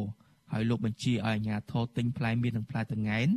ពីកសិករក្រីក្រដោយផ្ទាល់និងមិនបានប្រើថវិកាជាតិនោះទេ ឯចំណែកឈ្មោះមន្ត្រីដែលមានចំការមានធំធំលោកបញ្ជាឲ្យរកទីផ្សារដោយខ្លួនឯងជាងកន្លះខែមកនេះអាជ្ញាធរបានប្រកាសពីការទិញផ្លែមានផ្លែតងែននិងការចែកចាយផ្លែឈើទាំងអស់នេះដល់មន្ត្រីរាជការអាជ្ញាធរនិងពលរដ្ឋតាមបណ្ដាខេត្តតែអាជ្ញាធរមិនបានសរុបរបាយការណ៍ឬទឹកប្រាក់ដែលលោកហ៊ុនសែនយកទៅទិញមាននឹងតងែនពីកសិករនោះទេទោះជាយ៉ាងណាថ្មីថ្មីនេះមានប្រជាពលរដ្ឋមួយចំនួនបានត្អូញត្អែថា អញ្ញាធរប្រមូលទិញផ្លែតង្កែនមិនបានស្មើភាពគ្នានោះទេហើយកសិករខ្លះថែមទាំងបានថតវីដេអូឃ្លីបផ្លែតង្កែនដែលគ្មានទីផ្សារលក់បង្ហោះតាមបណ្ដាញសង្គម Facebook ជាបន្តបន្ទាប់រហូតដល់មានការចាប់ខ្លួនយុវជនម្នាក់នៅខេត្តបាត់ដំបងកាលពីថ្ងៃទី21ខែសីហាប្រជាកសិករម្នាក់ដែលរស់នៅក្នុងស្រុកកំរៀងខេត្តបាត់ដំបងលោកងួនលីបានបង្ហោះវីដេអូឃ្លីបនៅក្នុង Facebook របស់លោក បង្ហាញពីប្រជាពលរដ្ឋបេះផ្លែតង្កែនប្រមាណ2តោនច្រកប្រអប់ដាក់កនៅក្រោមដើមតង្កែនរបស់កសិករនៅក្នុងឃុំតាសែនស្រុកគំរៀងលោកងួនលីបាននិយាយរៀបរាប់នៅក្នុងវីដេអូឃ្លីបនោះថាអញ្ញាធមមូលដ្ឋានឲ្យប្រជាពលរដ្ឋបេះផ្លែតង្កែទាំងនោះហើយប៉ុន្តែមិនបានទៅទិញយកពីពួកគាត់នោះទេយុវជនរូបនេះត្រូវបានតុលាការខេត្តបាត់ដំបងផ្តន្ទាទោសឲ្យជាប់ពន្ធនាគារ10ខែវិសុអសិសរីមិនអាចសុំការបញ្ជាក់ពីនាយករងខុទ្ទកាល័យ និងជាប្រធានអង្គរៈលោកហ៊ីងមុនហៀងនិងអភិបាលខេត្តបាត់ដំបងលោកងួនរតនៈបានទេនៅថ្ងៃទី1ខែកញ្ញាតែយ៉ាងណាក្រសួងកសិកម្មនិងអគ្គនាយកដ្ឋានកសិកម្មលោកនិនឆាយធ្លាប់លើកឡើងថាការជួបបញ្ហាផ្លែមៀននិងផ្លែតង្កែនេះដោយសារតែកម្ពុជាមិនទាន់មានរោងចក្រវេចខ្ចប់និងប្រព័ន្ធសម្រាប់មេរោគនៅលើផ្លែឈើស្រស់ទាំងនេះទើបមិនអាចនាំចេញទៅប្រទេសថៃនិងមិនអាចលក់ចេញទៅប្រទេសចិនតាមយន្តការកិច្ចព្រមព្រៀងពាណិជ្ជកម្មសេរីកម្ពុជាចិនបានជុំវិញរឿងនេះសង្គមស៊ីវិលជំរុញឲ្យរដ្ឋាភិបាល ស្វាស្វែងគ្រប់យន្តការបន្ថែមទៀតដើម្បីអាចនាំចេញផ្លែឈើស្រស់និងកែច្នៃផលិតផលទាំងនោះសម្រាប់ផ្គត់ផ្គង់ទីផ្សារក្នុងស្រុកនិងក្រៅស្រុកអ្នកសម្របសម្រួលសមាគមសិទ្ធិមនុស្សអាត់ហុកខេត្តបាត់ដំបងនិងខេត្តបៃលិនលោកយិនមេងលីយល់ថារដ្ឋាភិបាលគួរតែចាប់ផ្ដើមគិតគូរពីការសាងសង់នៅហេដ្ឋារចនាសម្ព័ន្ធឬរោងចក្រកែច្នៃផ្លែឈើឬការវេចខ្ចប់សម្របតាមលក្ខខណ្ឌតម្រូវការអនាម័យឲ្យបានលឿនដើម្បីឆាប់បាននាំចេញក្រៅពីនេះលោកក៏ជំរុញឲ្យរដ្ឋាភិបាលគិតគូរពីទីផ្សារក្នុងស្រុក ទាំងការផ្គត់ផ្គង់ផ្លែឈើស្រស់និងការច្នៃជាអាហារកំប៉ុងទោះជាយ៉ាងណាតំណាងសង្គមស៊ីវិលរូបនេះស្វាគមន៍ចំពោះយន្តការដោះស្រាយរបស់រដ្ឋាភិបាលក្នុងការជួយទិញផ្លែមៀននិងផ្លែតង្កែនពីកសិករតែយ៉ាងណាលោកយិនមេងលីជំរុញឲ្យរដ្ឋាភិបាលពិចារណាពីការដំឡើងក្នុងការទិញកសិផលតាមសំណើរបស់កសិករផងដែរ ពួកចរាចរណ៍ក្នុងស្រុកហើយក៏បានគេនាំចេញពីកាយទៀតនេះបានបង្ហាញថារដ្ឋាភិបាលលោកមានផែនការច្បាស់លាស់នៅក្នុងការជួយកសិករឥឡូវនេះគ្រាន់តែជួយបានមួយរយៈទេដោះទុកមួយរយៈទេតែយូរអង្វែងគឺអត់អាចទេអញ្ចឹងបានចង់លំពោដែរតែឆ្នាំក្រោយហើយទៀតសូមឲ្យរដ្ឋាភិបាលលោកមានផែនការបានកាន់តែច្បាស់លាស់ថែមទៀតហើយជួយពិចារណាទៅលើសំណពោទៅលើតម្លៃដែលប្រជាកសិករស្នើសុំនេះដើម្បីឲ្យលោកមានលទ្ធភាពលើកទឹកចិត្តរបស់លោកដើម្បីក្នុងការផលិតថែមទៀត របាយការណ៍របស់ក្រសួងកសិកម្មឆ្នាំ2020បង្ហាញថាខេត្តបាត់ដំបងនិងខេត្តបៃលិនមានផ្ទៃដីដាំផ្លែមៀននិងផ្លែតង្កែនធំជាងគេនៅលើផ្ទៃដីសរុបជាង14000ហិកតានិងទទួលបានទិន្នផលជាង150,000តោនប៉ុន្តែការនាំចេញផ្លែមៀននិងផ្លែតង្កែនទៅប្រទេសក្រៅបានតែជិត200តោនប៉ុណ្ណោះខ្ញុំបាទចិត្តចំណាន Visual Assisray ពីរដ្ឋធានី Washington ចាលោកនាងកញ្ញាប្រិមមអ្នកស្ដាប់ជាទីមេត្រីជនជាដើមភៀកតិចគួយជាច្រើនគ្រួសាររស់នៅខេត្តកំពង់ធំជាប់ព្រំដែនខេត្តព្រះវិហារស្ដាយស្រណោះដីចំការវិលជុំដីព្រៃអាស្រ័យផលនិងដីសមូហភាពបន្សល់ចុងក្រោយទំហំជិត100ហិកតាបានបាត់បង់ទាំងស្រុងអ្នកភូមិបន្តថាក្រុមហ៊ុនឯកជនមួយបានឈូសឆាយរំលោភយកដីរបស់ពួកគាត់ទាំងអស់ រីឯពលរដ្ឋមួយចំនួនដែលហ៊ានចេញមុខតវ៉ាទាមទារដីធ្លីនេះមិនត្រឹមតែពុំទទួលបានអំណោះស្រាយពីអាជ្ញាធរនោះទេតែពួកគាត់បានក្លាយទៅជាជនរងគ្រោះជាប់បណ្ដឹងនៅតុលាការទៅវិញចាប់ពីរដ្ឋធានី Washington លោកជីវិតារាយការណ៍ព័ត៌មាននេះជនជាតិដើមគួយ33គ្រួសាររស់នៅភូមិតាឡែកឃុំសាឡាវិស័យស្រុកប្រាសាទបាឡាំងខេត្តកំពង់ធំជាប់ព្រំដែនខេត្តព្រះវិហារ កំពុងពិភាក្សាគ្នាត្រៀមរៀបចំឯកសារដើម្បីដាក់ញត្តិស្វែងរកកិច្ចអន្តរាគមន៍ទៅអាជ្ញាធរជាតិករណីក្រុមហ៊ុនហាក់ប៊ុនថាឈូសឆាយរំលោភយកដីស្រែចម្ការដែលនៅសល់ចុងក្រោយ ទំហំជិត100ហិកតាអស់ទាំងស្រុង នៅរយៈពេល6ខែចុងក្រោយនេះអ្នកភូមិឲ្យដឹងថាពលរដ្ឋ2នាក់ដែលចេញមុខតវ៉ាទាមទារដីធ្លីត្រូវតំណាងក្រុមហ៊ុនហាក់ប៊ុនថាប្តឹងពួកគាត់ទៅតុលាការខេត្តព្រះវិហារ ដើម្បីគម្រាមកំហែងមិនឲ្យងើបតវ៉ាទាមទារដីទាំងនោះតំណាងពលរដ្ឋលោកស្រីងួនហៀងប្រាប់អាស៊ីសេរីនៅថ្ងៃទី1កញ្ញាថាក្រុមហ៊ុនបានប្តឹងលោកស្រីនិងប្តីរបស់លោកស្រី ទៅតុលាការហើយលោកស្រីបានចូលខ្លួនទៅបំភ្លឺនៅសាលាដំបងខេត្តព្រះវិហាររួចហើយ កាលពីថ្ងៃទី30សីហាលោកស្រីថាក្នុងសវនាការលោកស្រីបានរៀបរាប់ពីភាពអយុត្តិធម៌ជាច្រើន ប្រាប់តំណាងអัยការ តាក់ទិនករណីដីស្រែចម្ការដីធ្លីអាស្រ័យផលដែលពលរដ្ឋបង្កបង្កើនផលតាំងពីដូនតាត្រូវបានក្រុមហ៊ុនបន្តឈូសឆាយកំទេចទាំងស្រុងបណ្ដាលឲ្យពលរដ្ឋជួបការលំបាកខ្វះដីធ្លីបង្កបង្កើនផលរកចំណូលចិញ្ចឹមជីវិតលោកស្រីថាបើទោះបីជាអ្នកភូមិស្នើសុំកិច្ចអន្តរាគមន៍ពីអាជ្ញាធរក្តីក៏ក្រុមហ៊ុនមិនផ្អាកសកម្មភាពឈូសឆាយដែរ ខ្ញុំអត់បានទៅធ្វើទៅក្នុងសាលដីគាត់ទេហើយគាត់ជុះឆាយដីខ្ញុំមកដែលមកគាត់ប្តឹងខ្ញុំបកថាខ្ញុំមកទៅធ្វើអំពើហិង្សាលើដីគាត់ថាខ្ញុំមកមានពាក់កំបិតមានកំភ្លើងកែឆាយតែការពិតខ្ញុំអត់មានដែលប្រើអារបស់អស់នឹងអីទេដោយសារគាត់ចោតអត់មានការពិតណាលោកស្រីងួនហៀងបន្ថែមថា គ្រួសារលោកស្រីមានដី5ហិកតាត្រូវក្រុមហ៊ុននេះឈូសឆាយរំលោភយកអស់ទាំងស្រុងដែរហើយបច្ចុប្បន្ន កម្មករក្រុមហ៊ុនបានកាយប្រឡាយហុំព័ទ្ធមិនឲ្យលោកស្រីចេញចូលតំបន់នោះទេលោកស្រីបញ្ជាក់ថាក្រុមហ៊ុនបានឈូសឆាយកំទេចដំណាំដាំដុះដូចជាស្រូវចន្ទី ស្វាយនិងពោតអស់ទាំងស្រុង ហើយនៅពេលដែលពួកគាត់តវ៉ាបែរជាតំណាងក្រុមហ៊ុនប្តឹងបកពួកគាត់ទៅតុលាការវិញលោកស្រីចាត់ទុកទង្វើនេះថាជារឿងអយុត្តិធម៌និងជាការធ្វើបាបពលរដ្ឋក្រីក្រអឺ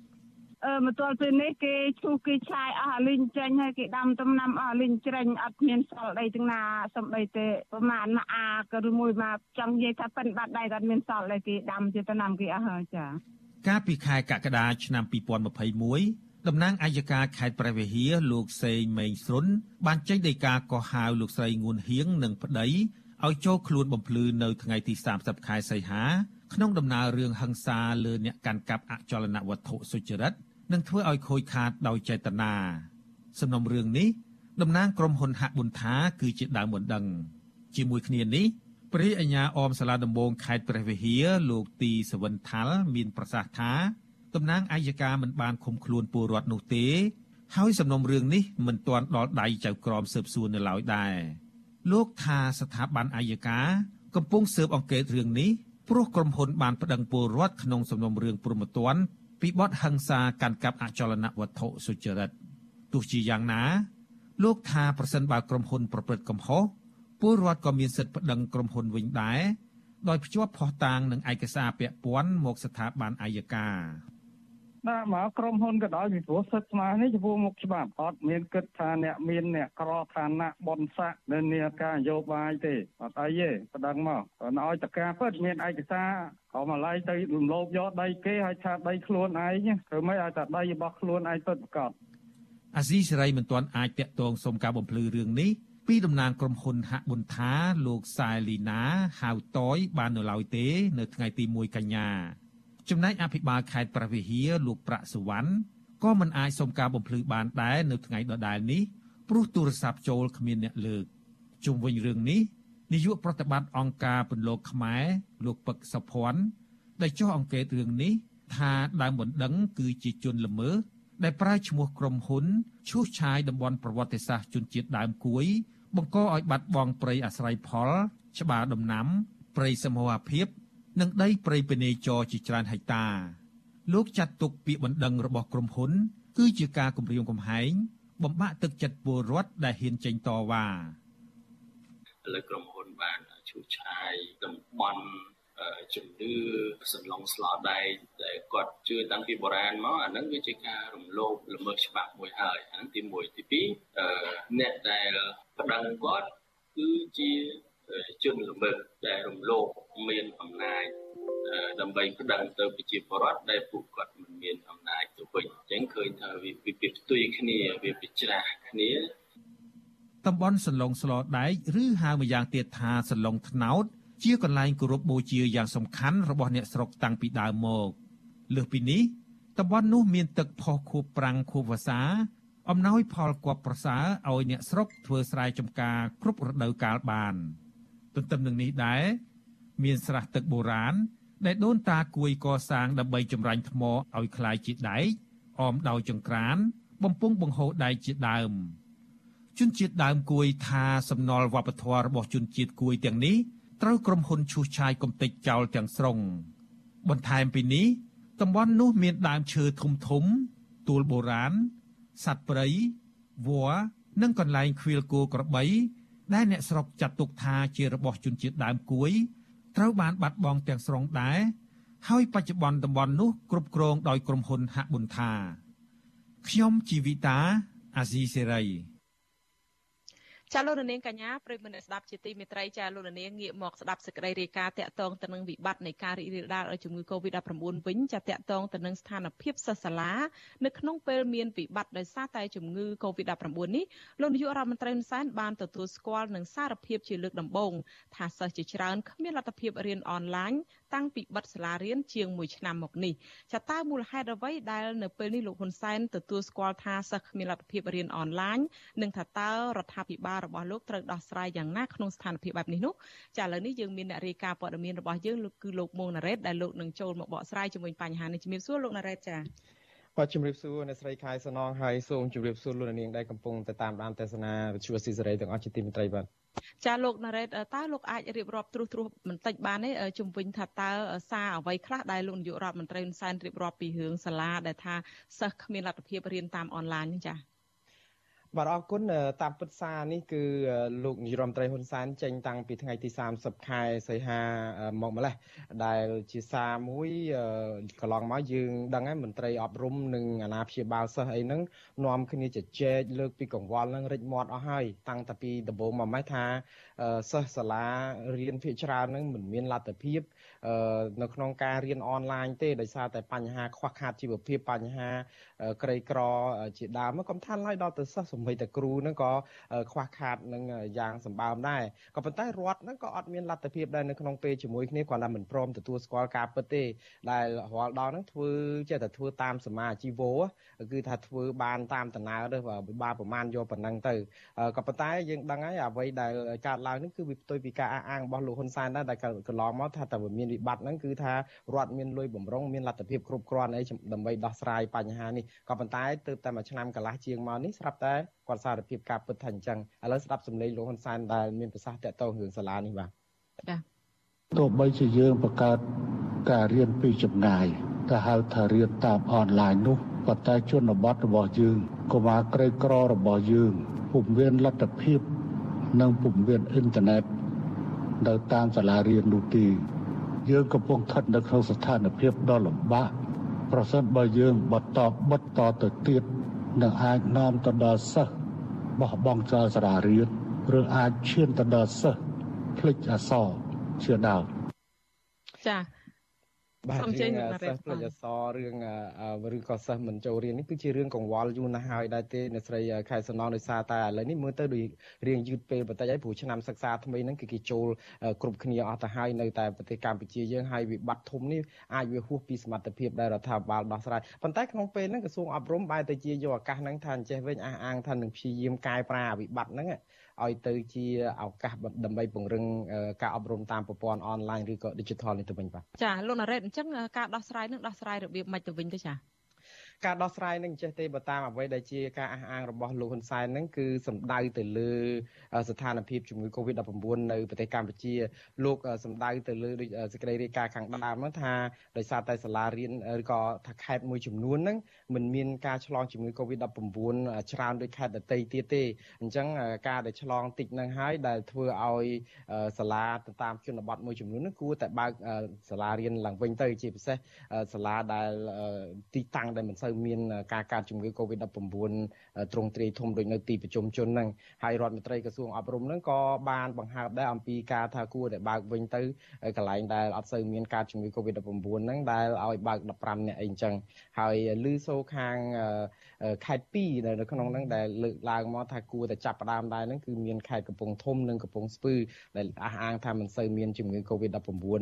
ចាប់ផ្ដើមកើតឡើងប៉ុន្តែក៏មានការហាមប្រាមមិនឲ្យគ្រូអាយុ50ឆ្នាំ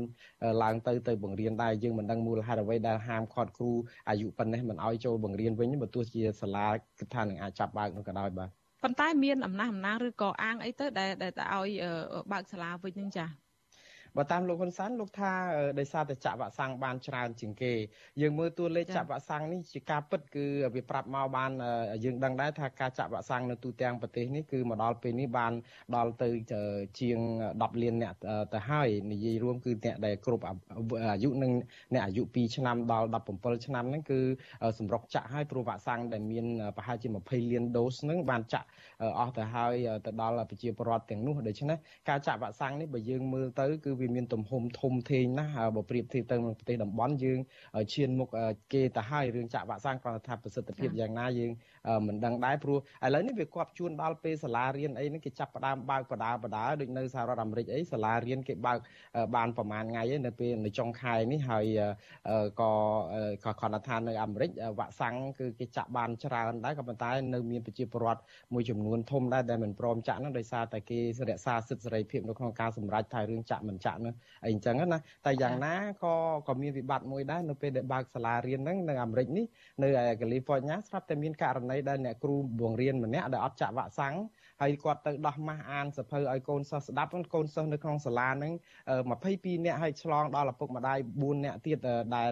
ជាប្រភេទមេរោគកំ pl ែងថ្មី Delta នេះក៏ជាក្តីកង្វល់ដែរបាទព្រោះរឿង Delta នេះក៏មានឆ្លងនៅកម្ពុជាដែរ ចុះធ្វើមិនទៅទៅអាចការពារកុំឲ្យឆ្លងរឿង Delta នេះយើងនៅស្រុកយើងនឹងក៏មានការរីករាលដាលអីច្រើនដែរលោកណារ៉េតចា អឺ Delta នេះគឺជាក្តីកង្វល់ណាស់ព្រោះមានវ៉ាក់សាំងប្រកែប្រកែដូចជា Pfizer វ៉ាក់សាំង Moderna ឬក៏វ៉ាក់សាំង Johnson Johnson អីហ្នឹងគឺឬក៏ AstraZeneca របស់ UK ហ្នឹងថាមានប្រសិទ្ធភាពការពារទប់ទល់ជំងឺមានរោគបំផ្លាញថ្មី Delta នេះប៉ុន្តែมันមានសេចក្តីរាយការណ៍ណាដែលថាវ៉ាក់សាំងចិនអាចនឹងការពារជំងឺឬក៏មេរោគ Delta បំផ្លាញថ្មីនេះបាននៅឡើយទេ តែយ៉ាងណាវិធីការពារអ្នកស្រីខែសំណងគឺសំខាន់បំផុតគឺមាន6ប្រការដោយខាងអង្គការសុខភាពពិភពលោកធ្លាប់បញ្ជាក់ហើយគឺពាក់ម៉ាស់លាងដៃរក្សាកម្លៀតអឺហើយនឹងនៅក្នុងបន្ទប់បិទចិត្តហ្នឹងគួរតែបើកទ្វារឲ្យខ្យល់ចេញចូលលាងដៃហ្នឹងបានន័យថាលាងឲ្យស្អាតឲ្យពាក់ម៉ាស់ឲ្យបានត្រឹមត្រូវអីអញ្ចឹងហើយមួយទៀតហ្នឹងគឺកុំទៅកន្លែងមនុស្សច្រើនកុសកដែលមានគ្នាច្រើនអីអញ្ចឹងបើមិនចាំបាច់ណាណា ចាលោកណារ៉េតសង្ខេបខ្លីបន្តិចតកតងនឹងរឿងពាក់ម៉ាស់ហ្នឹងយើងឃើញថាមកដល់ពេលនេះជាងមួយឆ្នាំទៅហើយនៅតែអ្នកខ្លះពាក់ម៉ាស់មិនទាន់ត្រឹមត្រូវនៅឡើយទេហើយនៅតែមានការអប់រំណែនាំលោកណារ៉េតមានអីចង់បង្ហាញលោកនាងបន្តិចទេចា វិជ្ជការគួរឲ្យប្លែកដែរមួយឆ្នាំជាងមកនេះគឺមានប្រជាពលរដ្ឋមួយចំនួននៅតែមិនអាចពាក់ម៉ាស់ឲ្យបានត្រឹមត្រូវអ្នកខ្លះពាក់ម៉ាស់ពីក្នុងចេញក្រៅពីក្រៅចូលក្នុងឬក៏ទុកច្រមុះនៅកដាលវាលមាត់នៅកដាលវាលពាក់តែចង្ការអីចឹងជាដើមយើងមានវីដេអូមួយពីខាងអង្គការសុខភាពពិភពលោកដែរអ្នកស្រីខែសំណងដែលគេបញ្យល់អំពីរបៀបពាក់ម៉ាស់យ៉ាងម៉េចឲ្យបានត្រឹមត្រូវព្រោះមានតែវិធីពាក់ម៉ាស់នឹងហើយនឹងលាងដៃនេះហើយដែលធ្វើឲ្យយើងអាចនឹងបង្ការជំងឺ Covid-19 ប្រភេទ Delta នេះបានព្រោះវ៉ាក់សាំងមិនទាន់មានប្រសិទ្ធភាពបានច្រើនគ្នានោះណាលាងដៃហ្នឹងគឺលាងឲ្យយូរអញ្ចឹងទៅហើយការពាក់ម៉ាស់ហ្នឹងគឺ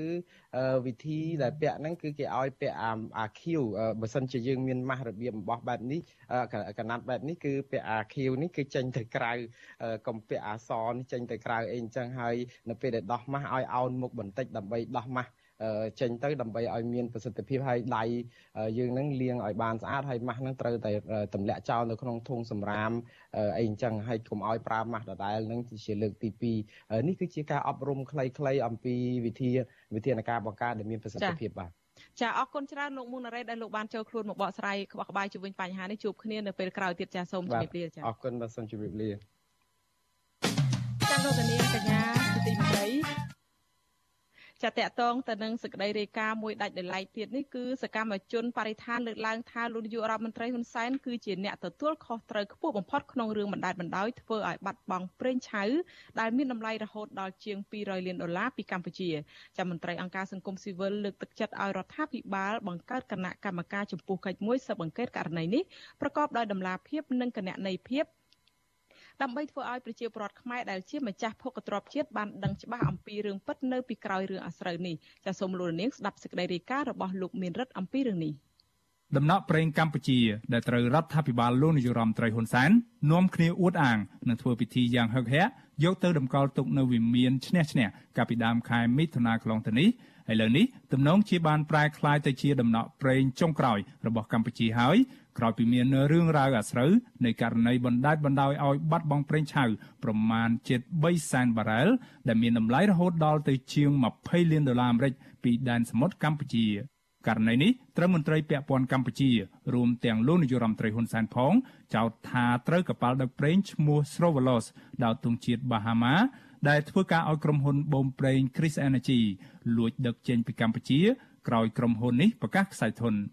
មិនខុសពីការប្រួយបារម្ភជារឿយៗរបស់ក្រុមអង្គការសង្គមស៊ីវិលជាតិនិងអន្តរជាតិជុំវិញករណីគ្រប់គ្រងធនធានរ៉ែព្រៃរបស់កម្ពុជានេះ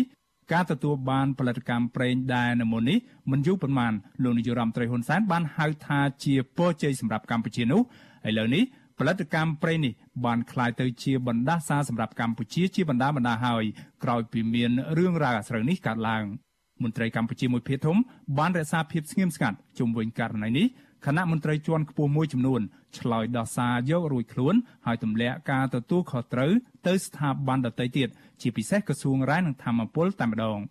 ចុងក្រោយបំផុតរដ្ឋមន្ត្រីការពារជាតិកម្ពុជាលោកទៀបាញ់ដែលមានសមត្ថកិច្ចមើលការខុសត្រូវតាមរយៈគណៈកម្មាធិការជាតិសន្តិសុខលំហសមុទ្របានប្រាប់វិសុយស៊ីសេរីដោយទម្លាក់ការទទួលខុសត្រូវជុំវិញរឿងនេះទៅក្រសួងរាយនឹងធម្មពលវិញ។ វិសុវស៊ីស្រីមិនអាចតាក់ទងแนะនាំពីក្រសួងរាយនឹងធម្មពលលោកយុះមនីរតអគ្គនាយកនៃអគ្គនាយកដ្ឋានប្រេងកាតលោកជៀបសួរអ្នកនាំពាក្យរដ្ឋាភិបាលលោកផៃសិផានអ្នកនាំពាក្យអគ្គស្នងការដ្ឋាននគរបាលជាតិលោកឆាយកំខឿននៅថ្ងៃទី31ខែសីហាដើម្បីសុំព័ត៌មានលម្អិតជុំវិញបញ្ហានេះបាននៅឡើយទេដោយសារតែពួកលោកមិនលើកទូរស័ព្ទឬមិនទាន់ឆ្លើយតបទៅនឹងសំណួររបស់វិសុយស៊ីសេរីតាមបណ្ដាញសង្គម Telegram រីឯអ្នកនាំពាក្យគណៈបកប្រជាជនកម្ពុជាលោកសុកអេសានក៏វិសុវស៊ីស្រីមិនទាន់អាចតាក់ទងបានដែរដោយលោកមិនលើកទូរស័ព្ទកាលពីយប់ថ្ងៃទី31ខែសីហាស្ថាបនិកអង្គការចលនាមេដាធម្មជាតិលោក Alejandro Gonzalez Davidson ថារឿងរ៉ាវអាស្រូវបាត់ប្រេងឆៅរហូតដល់ទៅ3សែនបារ៉ែលនេះ គឺមានលក្ខណៈស្តៀងគ្នាទៅនឹងរឿងរ៉ាវលួចដឹកខ្សាច់ចេញពីខេត្តកោះកុងកំពត និងខេត្តកំពង់សោមទៅប្រទេសសង្ហបុរីរហូតដល់ទៅជាង70លានតោនឬស្មើនឹងប្រមាណជាង2000កប៉ាល់ធំធំចាប់តាំងពីឆ្នាំ2007រហូតដល់ឆ្នាំ2016ដែលអាជ្ញាធរកម្ពុជា តែងតែឆ្លើយបដិសេធនិងលាក់បាំងព័ត៌មាននេះពីអ្នកកាសែតនិងសាធារណជនលោកអាឡិច ថាក្រសួងពាក់ព័ន្ធទាំងអស់គឺជាអ្នកទទួលខុសត្រូវហើយបុគ្គលដែលជាអ្នកទទួលខុសត្រូវនៅក្នុងរឿងរ៉ាវអាស្រូវនៃការបណ្ដោយឲ្យបាត់បង់ប្រេងឆៅដ៏សម្បើមបែបនេះគឺលោកនាយករដ្ឋមន្ត្រីហ៊ុនសែនតែម្ដងគេទទួលខុសត្រូវគឺទាំងអស់ហ្នឹងបាទយើងមិនអាចនិយាយថាកងទ័ពចិនទឹក ទទួលខុសត្រូវច្រើនជាងឬក៏ក្រសួងរាជធម្មពលទទួលខុសត្រូវតិចទេយើងអាចឆ្លើយថាអ្នកទទួលខុសត្រូវគឺទាំងអស់ក្រសួងរាយធម្មពលក៏ទទួលខុសត្រូវក្រសួងសេដ្ឋកិច្ចហិរញ្ញវត្ថុក៏ទទួលខុសត្រូវក្រសួងការពារជាតិជាពិសេសកងទ័ពជើងទឹកក៏ទទួលខុសត្រូវហើយសម្រាប់ខ្ញុំលោកហ៊ុនសែនក៏ទទួលខុសត្រូវដែរដោយសារអីគាត់ជាប្រមុខរដ្ឋាភិបាលផងហើយគាត់ជាអ្នកដែលអួតតាំងពីដំបូងនៅថាប្រទេសកម្ពុជានឹងមានចំណូលពីអា block A នឹង500លានដុល្លាររដ្ឋាភិបាលនឹងមានចំណូល700លានដុល្លារពីសុយសានិងប៉ុនណារយៈពេលប្រហែលឆ្នាំហើយឃើញទីបញ្ចប់នឹងសល់តែមួយដំណក់ប្រេងនៅក្នុងវាមានឈ្នះឈ្នះអញ្ចឹងគឺអ្នកទទួលខុសត្រូវគឺច្រើនប៉ុន្តែបើសិនជាត្រូវការជ្រើសរើសម្នាក់គឺអ្នកដែលអួតជាងគេទាំងពីដំបូងនឹងគឺម្នាក់ហ្នឹងដែលគួរតែទទួលខុសត្រូវជាងគេហ្នឹងហ្នឹងលោកអាឡិចបន្តថាអាញាធរកម្ពុជា ជាពិសេសកងទ័ពជើងទឹកមិនមែនអាចសមត្ថភាពនៅក្នុងរឿងនេះទេ ព្រោះអាញាធរកម្ពុជា មានកប៉ាល់លបឿនលឿនរហូតដល់ទៅជាង15គ្រឿងមានកងទ័ពជើងទឹកនិងកងម៉ារីនសរុបប្រមាណ5000នាក់ហើយម្យ៉ាងវិញទៀតកម្ពុជាក៏បានដឹងរឿងរ៉ាវទាំងអស់នេះមុនទៅហើយដែលត្រូវតែប្រុងប្រយ័ត្នក្រោយក្រុមហ៊ុន Chris Energy បានប្រកាសខ្សែធនកុំភ្លេចថាមុនកប៉ាល់ Strovolos នឹងដឹកប្រេងឆៅចេញពីប្រទេសកម្ពុជាក្រុមហ៊ុន Chris Energy នឹងបានប្រកាសថាខ្សែធនទៅជាប្រមាណអាទិត្យមុនហ្នឹងអញ្ចឹងមានន័យថា មែនអាញាធរដឹងថាអាញាធរគេដឹងថាកប៉ាល់ Stravelos ឬក៏ក្រុមហ៊ុន Chris Energy គេអាចនឹងលួចចេញពីប្រទេសកម្ពុជាថ្ងៃណាមួយអញ្ចឹងខ្ញុំសួរថាហេតុអីបានគេមិនតាមដានរឿងហ្នឹងស្រដៀងគ្នានេះដែរប្រធានកម្មវិធីសុចរិតភាពធុរកិច្ចនៃអង្គការដំឡាភិបកម្ពុជា លោករ៉ាច័ន្ទរតមានប្រសាសន៍ថាខាងអង្គការសង្គមស៊ីវិលនិងពលរដ្ឋ ចង់បានការបកស្រាយឲ្យបានច្បាស់លាស់ពីអាជ្ញាធរកម្ពុជា ជាពិសេសពីក្រសួងរាយនឹងធម្មពលដើម្បីឲ្យពលរដ្ឋខ្មែរដែលជាម្ចាស់ភោគទ្រព្យជាតិបានដឹងពីការពិតនៅពីក្រោយរឿងរ៉ាវអាស្រូវដែលមិនធ្លាប់មាននៅក្នុងប្រវត្តិសាស្ត្រប្រេងរបស់កម្ពុជានេះ។ ដូច្នេះគាត់ត្រូវតែដឹងថាប្រេងដែលបូមបានដាក់នៅលើកប៉ាល់ហ្នឹងមានចំនួនប្រមាណពាន់ប្រមាណម៉ឺនបារ៉ែលហើយក្នុងស្ថានភាពដែលក្រុមហ៊ុនកំពុងតែ